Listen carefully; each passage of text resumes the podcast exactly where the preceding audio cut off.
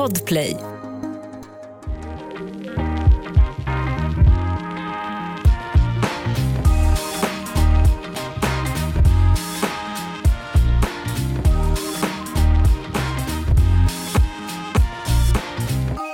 Hej och välkomna till Gravid. Tack Det Anna. här är Anna. Hej Amanda. Hej. Hej. Ehm, som ni vet så har ju Amanda fött sitt barn, Ja, men jag är fortfarande gravid. det är du. Och, och folk kanske undrar så här, hur går det för dig, Anna? Mm. Ja, Anna, hur går det för dig? Jag är en av dem. Jo, men det ska jag säga dig. Ja. Att eh, jag är ju i vecka 40. Jag vet! och så här, det här spelar ju vi, vi spelar ju in det några dagar innan det släpps. ja. Ehm, Men du har väl till och med och, BF typ idag nu när det släpps? ehm, min B... Nej, imorgon. Ja, det beror på vilken plattform Ja. man lyssnar på. Precis, den 13. Mm. Ehm, ja, och ehm, som sagt, det här spelas in några dagar innan, så Mm. det kan vara så att jag fött, vem vet? Man får vara lite flexibel nu de här senaste, sista dagarna. Ja. Ehm, nej men och det känns helt sjukt Ja. eh, att tänka sig att jag ska ha den här jävla uppgiften framför mig. Ja. Kolhydratladdar du? typ. Jag har infört så här obligatorisk nap varje dag. Ja, vad bra. För att så här, jag har hört att verkarna startar liksom på, på natten oftast. Eh, och då eh, är det bra att vila på dagen. Liksom. Just det. Och du tycker det är Eh, fortfarande men så- dåligt med din sömn på nätterna eller? Ja, Mm. så är det. Mm. Ehm, men ja, nej men så att eh, det känns eh, ja, skitläskigt att tänka på att jag kommer ju få uppleva min värsta smärta i hela mitt liv Ja. snart. så jävla overkligt. Gud, och vad, har du något speciellt i förlossningsveckan? För nu antar jag väskan, för jag antar att den är helt packad och klar. Ja, nej, inget särskilt. Jätte, jättemycket godis. Jättemycket Har godis. Okej. ja. Ja. Ehm, men inget, inget speciellt. Ett par sköna tights, Ja. ett par tofflor typ. Ja. Mm, en sak som oroar mig, det är att jag inte lyckas få av med min vigselring. ja, det oroar mig också. För att jag har fått så jävla, blir, nu är jag så svullen. Jag, jag trodde fan inte att jag skulle svullna så här mycket, men mina fötter är liksom en hobbits fötter. Shit, men det är ändå lyck lyckost dig att det kom så jävla sent. Ja, ja, jo, och att det är sommar. Ja. Alltså fatta vinterskor när det är så här. Just det. Mm. Ja, och fingrarna är som korvar. Mm. Så att eh, ja, just nu så går jag mest, jag går mest och oroar mig för att jag behöver amputera mitt finger. Och sen i, i andra hand kommer oron över förlossningen. Gud, men kommer det vara att ni tar, om nu allting går som liksom förväntat, det blir taxi in då eller? ja, ja, absolut. Mm. Ja. Hur mår Marcus? Jo, men han mår bra. Eller så här, det har ju varit så jävla mycket för oss att det, han liksom lite um, skjuter ifrån sig eh, hela förlossningen. Mm. För att det andra är mer typ, det är mer så konkreta grejer som man skulle kunna sätta sig med och göra. Typ. Ja, ja, Eh, så att det är lättare för båda tror jag, att bara göra sådana saker jag förstår det. än att tänka så mycket på förlossning. Vilket kanske är bra. Jag vet inte. Nej, vem vet. Bra Har, han har liksom- slutat jobba nu i alla fall. Ja. Mm. Ja. Ehm, ja, men så att det, det är lite så att det är lite så krångel nu att vi ska behöva planera typ, okej men vem kontaktar vi, vem är inte på semester just nu? Eh, som vi kan kontakta så att den kan ta hand om vår katt. Om vi Aha. behöver åka in till förlossningar. Det är mer sådana logistiska grejer nu som vi snackar om. Ja, precis. För det egentligen var väl morsan på standby där, men Men hon är på semester. Ja men det är lite så. ja, hjälp. Ja, det där skulle jag bekymra mig jättemycket om. Eller stackars katten. Ja. Aha. Ja, men vi har liksom typ tre olika personer som är som vi kan varva liksom. Vi behöver bara se till att, att vi lämnar nycklar så att den se- senaste har det. Ja, det är, Nej, det är lite störigt logistiskt. Gud, vad spännande. För nu är det så här, varje Mm. gång vi hörs så är jag så här, undrar om hon har skrivit vattnet har gått. Ja. Ja. ja, typ alla, jag pratar ju ganska mycket i telefon, Mm. typ alla jag pratar med som jag ringer till är Mm. tysta i början. Är de tysta? Ja, jag märker sån jävla skillnad. Alla är tysta och liksom som att de väntar på någonting. Men vadå, typ att de säger hej och sen så bara inget mer för de tror att du ska säga Ja. vi är på förlossningen eller något sånt. Ja, exakt så. Nej men alla väntar så jävla spänt nu.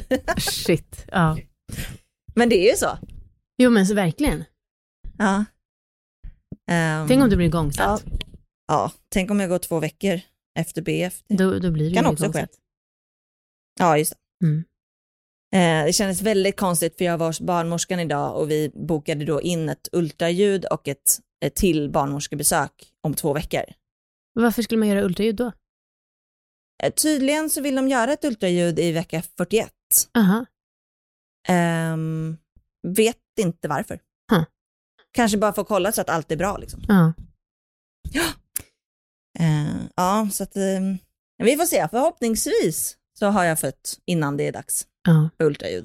Mm. Spännande, spännande. Ja. Och vi vill ju höra såklart om ditt liv som mamma, men det tar vi i slutet på avsnittet som vanligt. Ja, det gör vi.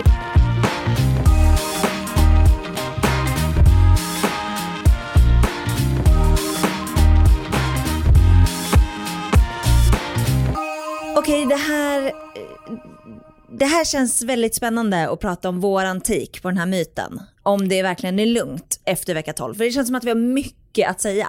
Ja, Ja, precis. Och ehm, anledningen till att vi ville säga det här är för att vi tycker själv, vi vet ju att vi startade vår, den här podden ganska sent i våra graviditeter.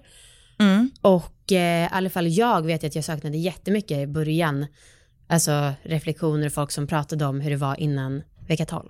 Ja alltså okej. så, så mycket. Ja. Och jag vet att det finns ju massa gravidpoddar men det känns som att de mesta handlar om förlossningarna eller typ så här vecka för vecka som finns på YouTube. Det är ju oftast från tidigast vecka 25. Ja, men man, folk vill ju eh, vara restriktiva med vad de pratar om. Ja. Eh, för att de är så oroliga. Ja, jo precis. Men jag önskar kanske att vi hade börjat spela in tidigare och så här hade kunnat släppa det senare. Ja, jo det är sant. Eh, så att man ändå fick det lite färskt. Men nu blev det inte så. Nej. Ehm, jag och Marcus, Mm. eh, min man, vi... ehm, det var så roligt. Ja, min man, alltid, budum. jag, jag tyckte jag ska säga det utan att det låter löjligt. Nej. Min kära make. Ja. Ehm, vi hade ju, eller jag hade i alla fall tänkt först att Ja. jag skulle vara öppen med eh, när vi blev gravida. Ja. Eller, och liksom om vi skulle kämpa för det och försöka och så. Ehm, men sen så hade vi ett snack, jag och Marcus, och han var helt tvärtom. För han, ja, men han är ganska mycket mer konservativ än vad jag är och hade liksom också ganska orolig av sig. Mm. Så han bara, nej det känns inte alls eh, bekvämt att du gör Men det. och då, för det vi här har vi pratat om i alla våra ligg, men var det både liksom till era nära och kära eller rent kändismässigt som du, den positionen som du har haft? Eh, både och. Både och. Alltså att berätta för någon liksom. Ja. Eh, och jag, vi snackade väl lite grann om det, att det kan vara bra och så här, om det väl skulle bli missfall skulle det vara skönt att ha någon att snacka med. Men, ehm, men ah, han, han var ganska liksom tvärtom på det där. Så vi enades liksom till slut att nej men okej, men då, vi kan chilla Mm. till typ vecka 12 innan vi berättar. Och sen så vi gjorde ju inte det riktigt, men eh, eh, vi berättade ju för lite kompisar eh, innan. Men eh, vi höll det ändå ganska länge. Mm. Vi berättade för våra föräldrar i vecka 12. Mm. Mm. Och syskon. Sen så, det har vi säkert nämnt många gånger, men du upptäckte det också ganska sent ju din graviditet. Precis, jag upptäckte det i vecka 8. Ja. Så att det, var ju, det var ju ganska lätt att vänta. Det var inte sån, sån lång tid av hemligheter Nej. direkt. Precis. Mm. Nej, och jag är ju, men jag är ju en sån person som liksom inte kan hålla så mycket hemligt för mig själv.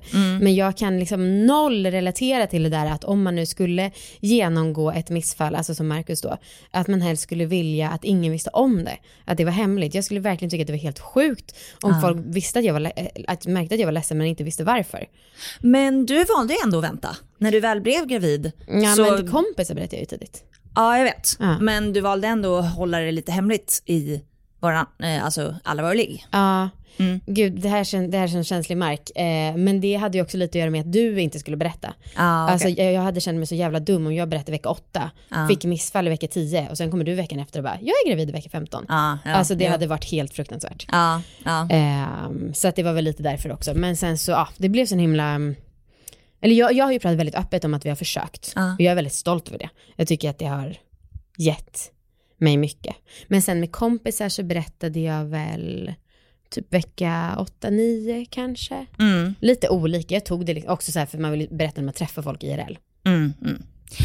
Men, och jag tycker väl kanske att så här, eh, oron Mm. har ju förändrats under graviditeten. Ehm, jag har väl varit, jag har inte varit jättenojig, men i början så absolut för missfall och jag tänkte så här, ja men går det så går det, liksom, eh, klarar jag det så klarar jag det. Typ. Ja, ja. Eh, men nu så har det ju definitivt blivit mer oro för död bebis i Mm, magen. okej. Mm. Och jag såg en Instagram-post igår eh, som jag inte, alltså det jag tyckte var fan vad konstig bebis. För jag började följa lite sådana Nej. konton där det är väldigt avskalade bilder på barn som föds Ja.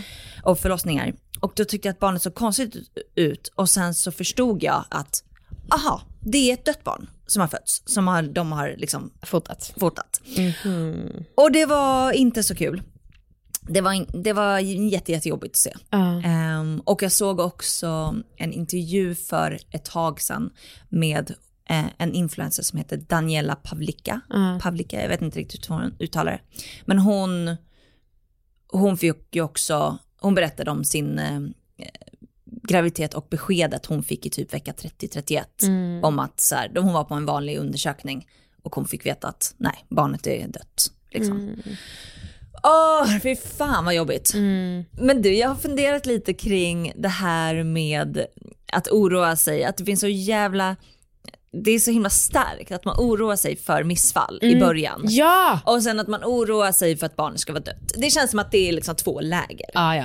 Men varför fokuserar man så mycket på vad man oroar sig för, vad som kan hända un- under graviditeten? Varför, varför, varför är det så långt borta att jag oroar mig för hur mitt barn kommer vara när det är fött? Mhm. Det är så, det är så, jag har aldrig ens tänkt tanken på att mitt barn kanske kommer födas utan lemmar eller liksom kommer ha det skitjobbigt i skolan eller kommer vara mobbad. Alltså så här, Men jag tror, jag tänker, alltså det är väl bara så den mänskliga hjärnan funkar. ja, Ehm, och också att det här är väl starten på, rest, på en oro som kommer vara resten av ditt liv. ja. Att det är så, det, för det är ju lätt att tänka tycker jag också att så här, ja, men så fort barnet är ute då är det lugnt. Men nej, det kommer ju såklart en annan typ av oro komma. ja, Hela tiden jag jävla, antar det. jävla skit alltså. Ja. Jag orkar inte med det. Nej, fy fan. Jag har precis pratat med en kompis som, eh, hon får knappt sova om nätterna för att hon, hon har en ny förlöst som några veckor gammal som bara kan sova när den är på hennes bröst. Skitunge. Ja, och den oron att hon då inte själv kan sova på grund av att hon är rädd att barnet ska råka liksom ramla ner från bröstet och hon kväver den genom att rulla sig. Ja men alltså, herregud. Hjälp. Usch, jag ser inte fram emot den perioden och den oron också. Nej. Jag tycker också att det är så spännande för du och jag har ju varit oroliga men på ganska olika sätt. Mm. Alltså att det är verkligen att man kan hitta Ja, för jag tycker kanske inte att alla grejer som jag har oroat mig för är det jag trodde att jag skulle oroa mig för. Nej. Eh, men samma sak, så de grejerna jag är chill med så kanske inte det är grejer jag trodde innan att jag skulle vara chill med. Ah, okej. Ja, jag har nog oroat mig mycket mer för mig själv. Ja, ja, och mitt, min kropp än vad jag har oroat mig så mycket för barn, barnet i mig. är det själviskt? Nej, det är fortfarande så diffust tycker jag. Gud vad vi, det känns som att vi svävar iväg. Det var bara så, vi pratar om oro, Ja. men det, är ju, det får man verkligen göra. ja. Och jag vill, för att gud jag tycker att det är så här, när man själv är stabil i sitt psyke, då är det så lätt att bara så här, men gud sluta oroa dig. Men sen när man väl är i oron, alltså då blir jag ju galen på folk som tänker så och då är det ju helt omöjligt att sluta oroa sig. Och jag vill bara så här, just nu, idag känner jag mig ganska lugn och tillfreds, men jag vill verkligen säga till mig själv och alla som lyssnar och oroar sig att fy fan vad jobbigt det är, vad jag lider med. Ja. Alla oss. ja, och det går ju inte att göra så mycket åt. Nej. Det är ju fruktansvärt och också hela den här grejen. Ja, men också det som du sa, att så här, ja, men det, det är starten på mycket oro. Ja, men som, att, som att det ska kännas bättre, förlåt men, Mm. men det, är- det är jäv, men- för jävligt ändå. Ja, men det, det väl, handlar bara om en acceptans, att man måste acceptera att okej, oro är en ny beståndsdel som kommer vara i resten av mitt liv. Ja. Blä. Skoj.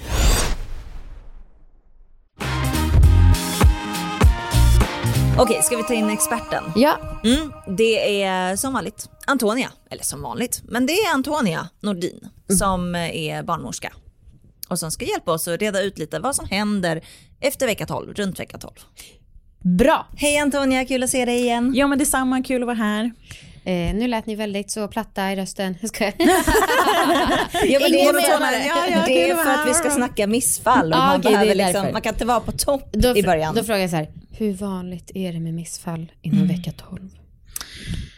Ja. Tung podd Ja, vill det tungt. Tung, tung, tung. Ja, nej, men hur vanligt är det med missfall innan vecka 12? Eh, man brukar säga att incidensen för missfall generellt Mm. ligger på ungefär 1%. Vad är incidens? Det- alltså hur, hur ofta det träffar, alltså inträffar på, på en population och när man pratar missfall så blir det alla gravida kvinnor. Alla graviditeter är populationen man tittar på när man pratar incidens för missfall. Okej. Och då inträffar alltså missfall ungefär 1% av alla gånger. All right. Men då är det ju så att eh, kvinnor kan ju få fler missfall.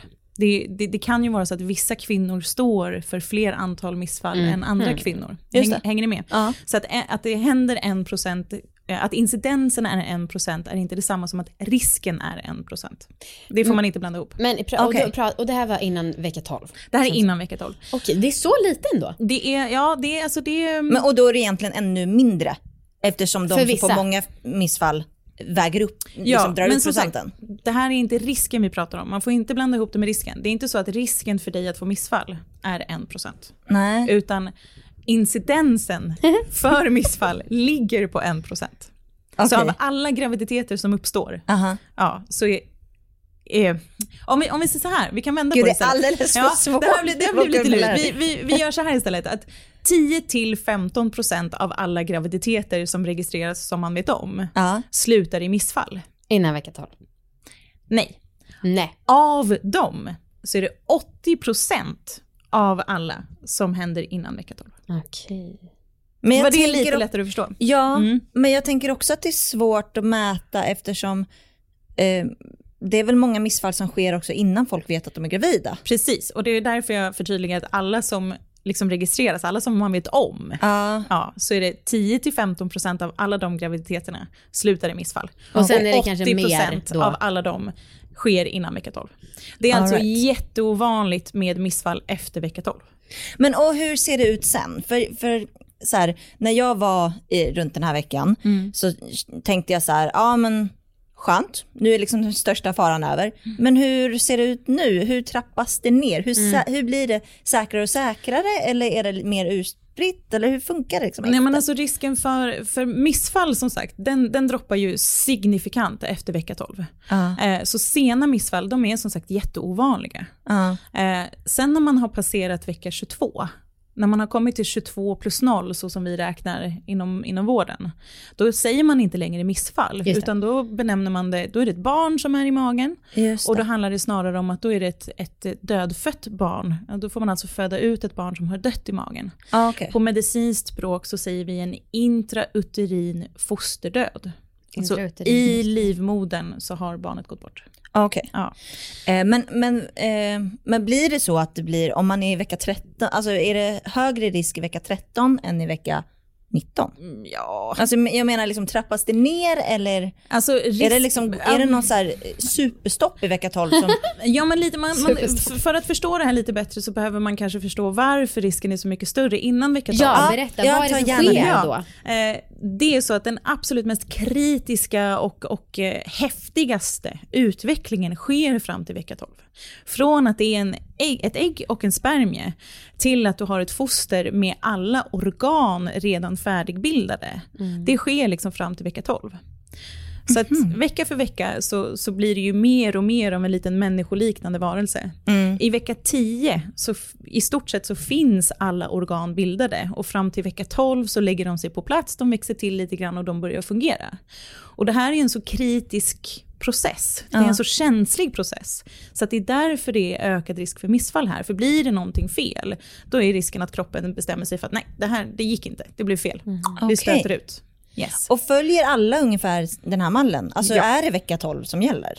Ja, men, men sen är det, ju, det är ju ingen exakt uppskattning om vart man är. Nej. Det är ju lite lurigt, för när du går till, när du säger att ja, men det här var min senaste mens eh, första dag, så räknar man och man kollar med ultraljud, men ingenting utav dem är ju en exakt vetenskap. Nej. Så att, absolut att det är så, alla följer samma mall, processen ser likadan ut, utvecklingen ser likadan ut. Men, men sen kan det ju diffa med någon dag hit eller dit vart man befinner sig i graviditeten. Okej. Men du, eh, den där tiden liksom när det skulle hända, man skulle gå över de där veckorna, det var ju väldigt, väldigt långsam period. I, och för de som lyssnar, är det liksom prick när man går in i vecka 12, alltså 11 plus 6? Eller är det när man går in i vecka 13? Eh, nu fick jag lite huvudklis här, nu måste jag ju tänka efter. Det är när man har gjort färdigt vecka 12, alltså Okej. 11 plus 6. Eh, så kan man Nej. säga att 12 plus 6. 12. När man har gjort färdigt 12. ja, man är, Jag hatar de här siffrorna. Ja. Jag med, jag är så förvirrad. när, man, när man har gjort hela vecka, eh, alltså fulla 11 veckor, då är man ju i vecka 12. Ja, just det. Man, håller, man, man jobbar sig igenom vecka 12. Så när man har gjort klart 11 plus 6, Ja. ja, då, då går man ju in i vecka 13 och är färdig med vecka 12. Hänger ni med? Nej. Nej. Vadå? Ja, men jag tycker nu, nu är vi i... Eh, du, jag ska inte ifrågasätta dig som en barnmorska. Nej, Så här, nu du är bara svaret så vet vi. nu, är vi så här, nu är vi i vecka 0. Ja. Eller rättare sagt vecka 1. Vi håller ju på med första veckan.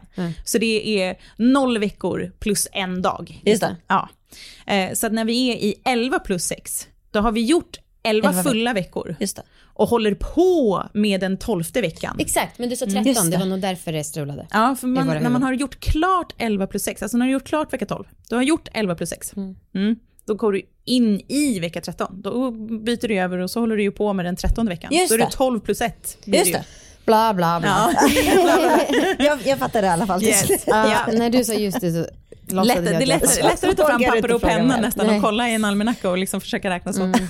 Ehm, Knas. Ja. Ja. Okej, men det var ju eh, härligt att få något svar om varför. Liksom, För att det, ja. Ja, så att risken, risken bakom, om man, ja, och anledningen till varför vi sa det var ju för att förstå att eh, risken för missfall ändras liksom lite. Så att när man har passerat den här mest kritiska processen i utvecklingen, då, då, då byter man anledning till varför man kanske får missfall.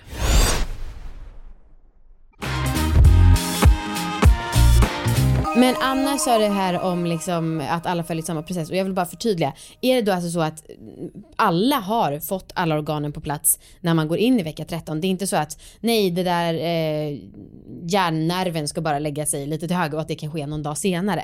Eller är det verkligen Alltså att nu det är, vi, sker de nu här är vi dagarna? inne i ett ämne som kallas för embryologi. Och just jag, jag är grundläggande i embryologi. Ja, ja. Så att om det kan skifta någon dag hit eller dit, det, var, alltså, det kommer ju göra det med tanke på att man kan inte veta Nej. att du befinner dig exakt i Just vecka det. 12 plus 1. Mm. Vart du befinner dig är ju en, en uppskattning. Ja. Sen kan man pinpointa det mycket tydligare med hjälp av ultraljud tack vare att man kan så mycket embryologi. Mhm. Så ser man exempelvis att aha, det här har utvecklats, då, behöver, då, då tyder det på att då är du här i utvecklingen nu. Svårt att veta vad som kom först, utvecklingen eller siffrorna. Ja. Ja. ja, men de flesta får ju förändrat. BF efter rutinultraljudet. Precis, Mm. precis. Och det är ju för att då, har man, då kan man ju liksom tydligare mäta och se vad har utvecklats, vilken storlek är det på saker och ting. Ja. Eh, och det stämmer överens med den här tiden i graviditeten. För Mm. att vi vet att embryologin ter sig så här. Ja. Utvecklingen ter sig så här. Okej, kan vi prata lite om eh, dödfödda födda barn också? Mm. Ehm, hur, vad är risken för att liksom, ja, Jag vill börja med att säga att det är väldigt liten risk. Väldigt liten risk. Det sker strax över 400 fall per, per år, alltså totalt per år okej. I, i Sverige. Eh, vi, vi har låga siffror. Eh, men de här siffrorna har å andra sidan också varit ganska konstanta i många, många år. Mm. Vi, vi, man har kommit en bit i vården, man gjorde en del förändringar liksom back in the days som, som sänkte siffrorna. Men sen har man, man har landat på den här siffran kring ungefär 400 fall per år. Mm. Och den, den har man inte ly, lyckats rubba riktigt. Men för att det, det, vad jag har förstått så är det liksom, det beror inte på något särskilt. Ibland vet man inte. Ibland, Nej. alltså det, många gånger ska jag säga så vet man inte varför. Det är faktiskt ganska få gånger som man, som man vet varför. Ja. Eh, man har sett ett samband med eh, barn som är tillväxthämmade. Där ser man ett, ett, ett stort samband. Att barn som är tillväxthämmade de är väldigt sköra och löper mycket större risk för att, för att dö i magen. Eh, men exakta mekanismerna bakom och, och varför vissa råkar ut för det här, det, det är ju, många gånger så får man liksom inte svar på det. Du sa 400 men då vill man ju veta hur många graviditeter det är totalt. Eh, ja, jag vet inte hur många graviditeter det är totalt, men man kan säga så här. Eh, fyra på tusen födslar Okej. är döda barn. Okej, Eh, så fyra promille Mm. av alla barn som föds, föds döda. all right. Mm.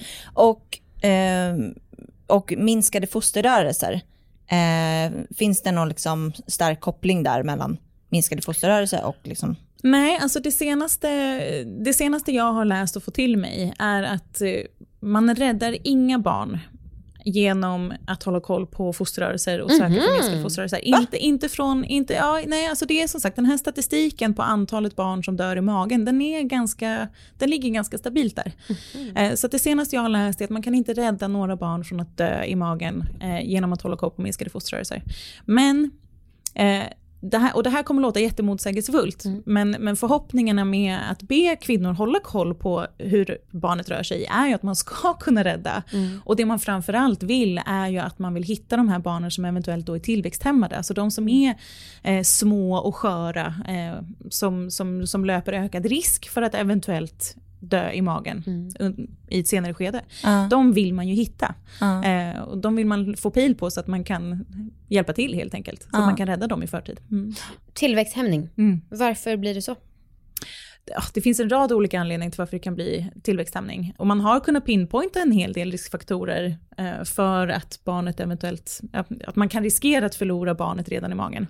Vissa vet man varför och andra så förstår man inte vad det har att göra med. Exempelvis så har man sett att eh, eh, låg socioekonomisk status, lågutbildade, löper högre risk för att barnet ska dö i magen. Va? Och där vet man inte varför. Nej, man, man vet att eh, Men gud. Precis om mamman har eh, en hög ålder, Ja. om man är äldre, eh, framförallt om man är över 40 och blir gravid så ser man att risken ökar. Eh, om man har en historik med många eh, tidigare missfall, eh, rökning, Mm. fetma, vet man ökar risken. Ehm, och i vissa av de här fallen så har man kunnat sett också lite grann hur det funkar, exempelvis eh, hur fetma skulle kunna påverka på ett sätt som gör att det ökar risken. Mm. Men som sagt, det här med låg utbildning och socioekonomisk status, även fast man tänker att ja okej, men är man lågutbildad så ser vi att det är fler i den gruppen som, som lider av fetma och som, som röker och kanske har inte så goda levnadsvanor. Men även om man kontrollerar för det, även om man alltså eh, statistiskt sett räknar på att okej, men om vi, om vi tar hänsyn till det då och Ja. kollar på, blir det, blir, blir det lika i risk då? Mm. Nej, de löper ändå, i alla fall så löper de en större risk. Gud vad märkligt. Jag, jag måste bli forskare. Ja, Uppenbarligen. Eh, ja, eh, Anna, Ja. eh, tycker du att allting är lugnt efter vecka 12? ja, men jag känner mig lite mindre oroad Mm. Eh, faktiskt. Vad tycker du? Jag vet inte, för jag tänker att det ändå är slump. Det Ja. kan lika gärna hända mig som att det kan hända någon annan av de här tusen kvinnorna. Ja. Att- Och som vi sa innan, alltså det finns så jävla mycket saker som man kan oroa sig för. Mm. Ehm, ja, det kanske är onödigt att oro- oroa sig över att ens barn ska dö i magen. Onödigt är det ju absolut, för du kommer Ja. ändå bli ledsen.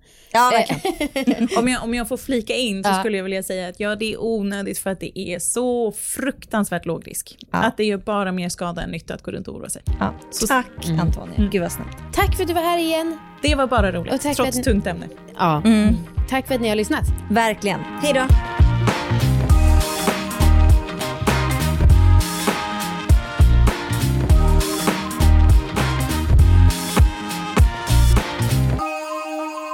Okej, och så avslutar vi avsnittet med att jag, Amanda, uppdaterar om mitt liv som en mamma. Ja, hur är det morsan? Jo, eh, vad ska jag säga? Vi börjar väl komma in mer och mer i liksom lunket och ehm, det blir lite lättare hela tiden. Hon följer liksom, hon går upp i vikt bra.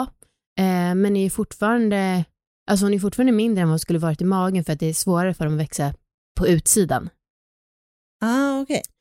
Eh, så att han har varit i magen nu, då hade hon nog varit i alla fall ett halvt kilo större. Ah, okej.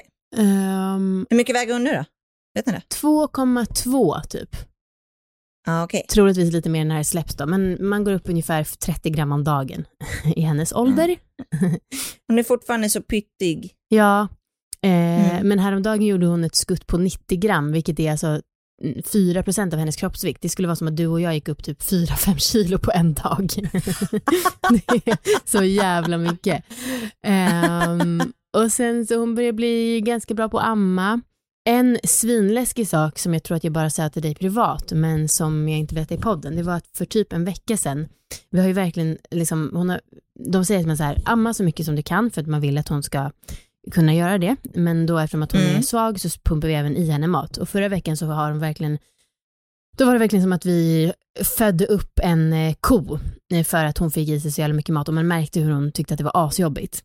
Och då Aha. så började hon kräkas. Eh, och så kräktes hon så mycket så att det liksom kom genom näsan.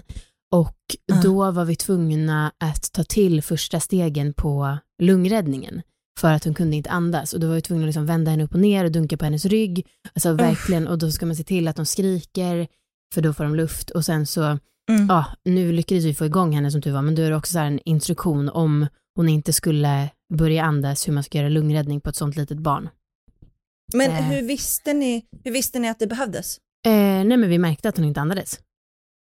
Åh fy fan vad läskigt. Ja, det var verkligen, och sån här grejer, är- som tur är, jag är tydligen ganska lugn i såna här paniksituationer. Eh, Det var jag även Ja. liksom när jag började blöda inför snittet och så.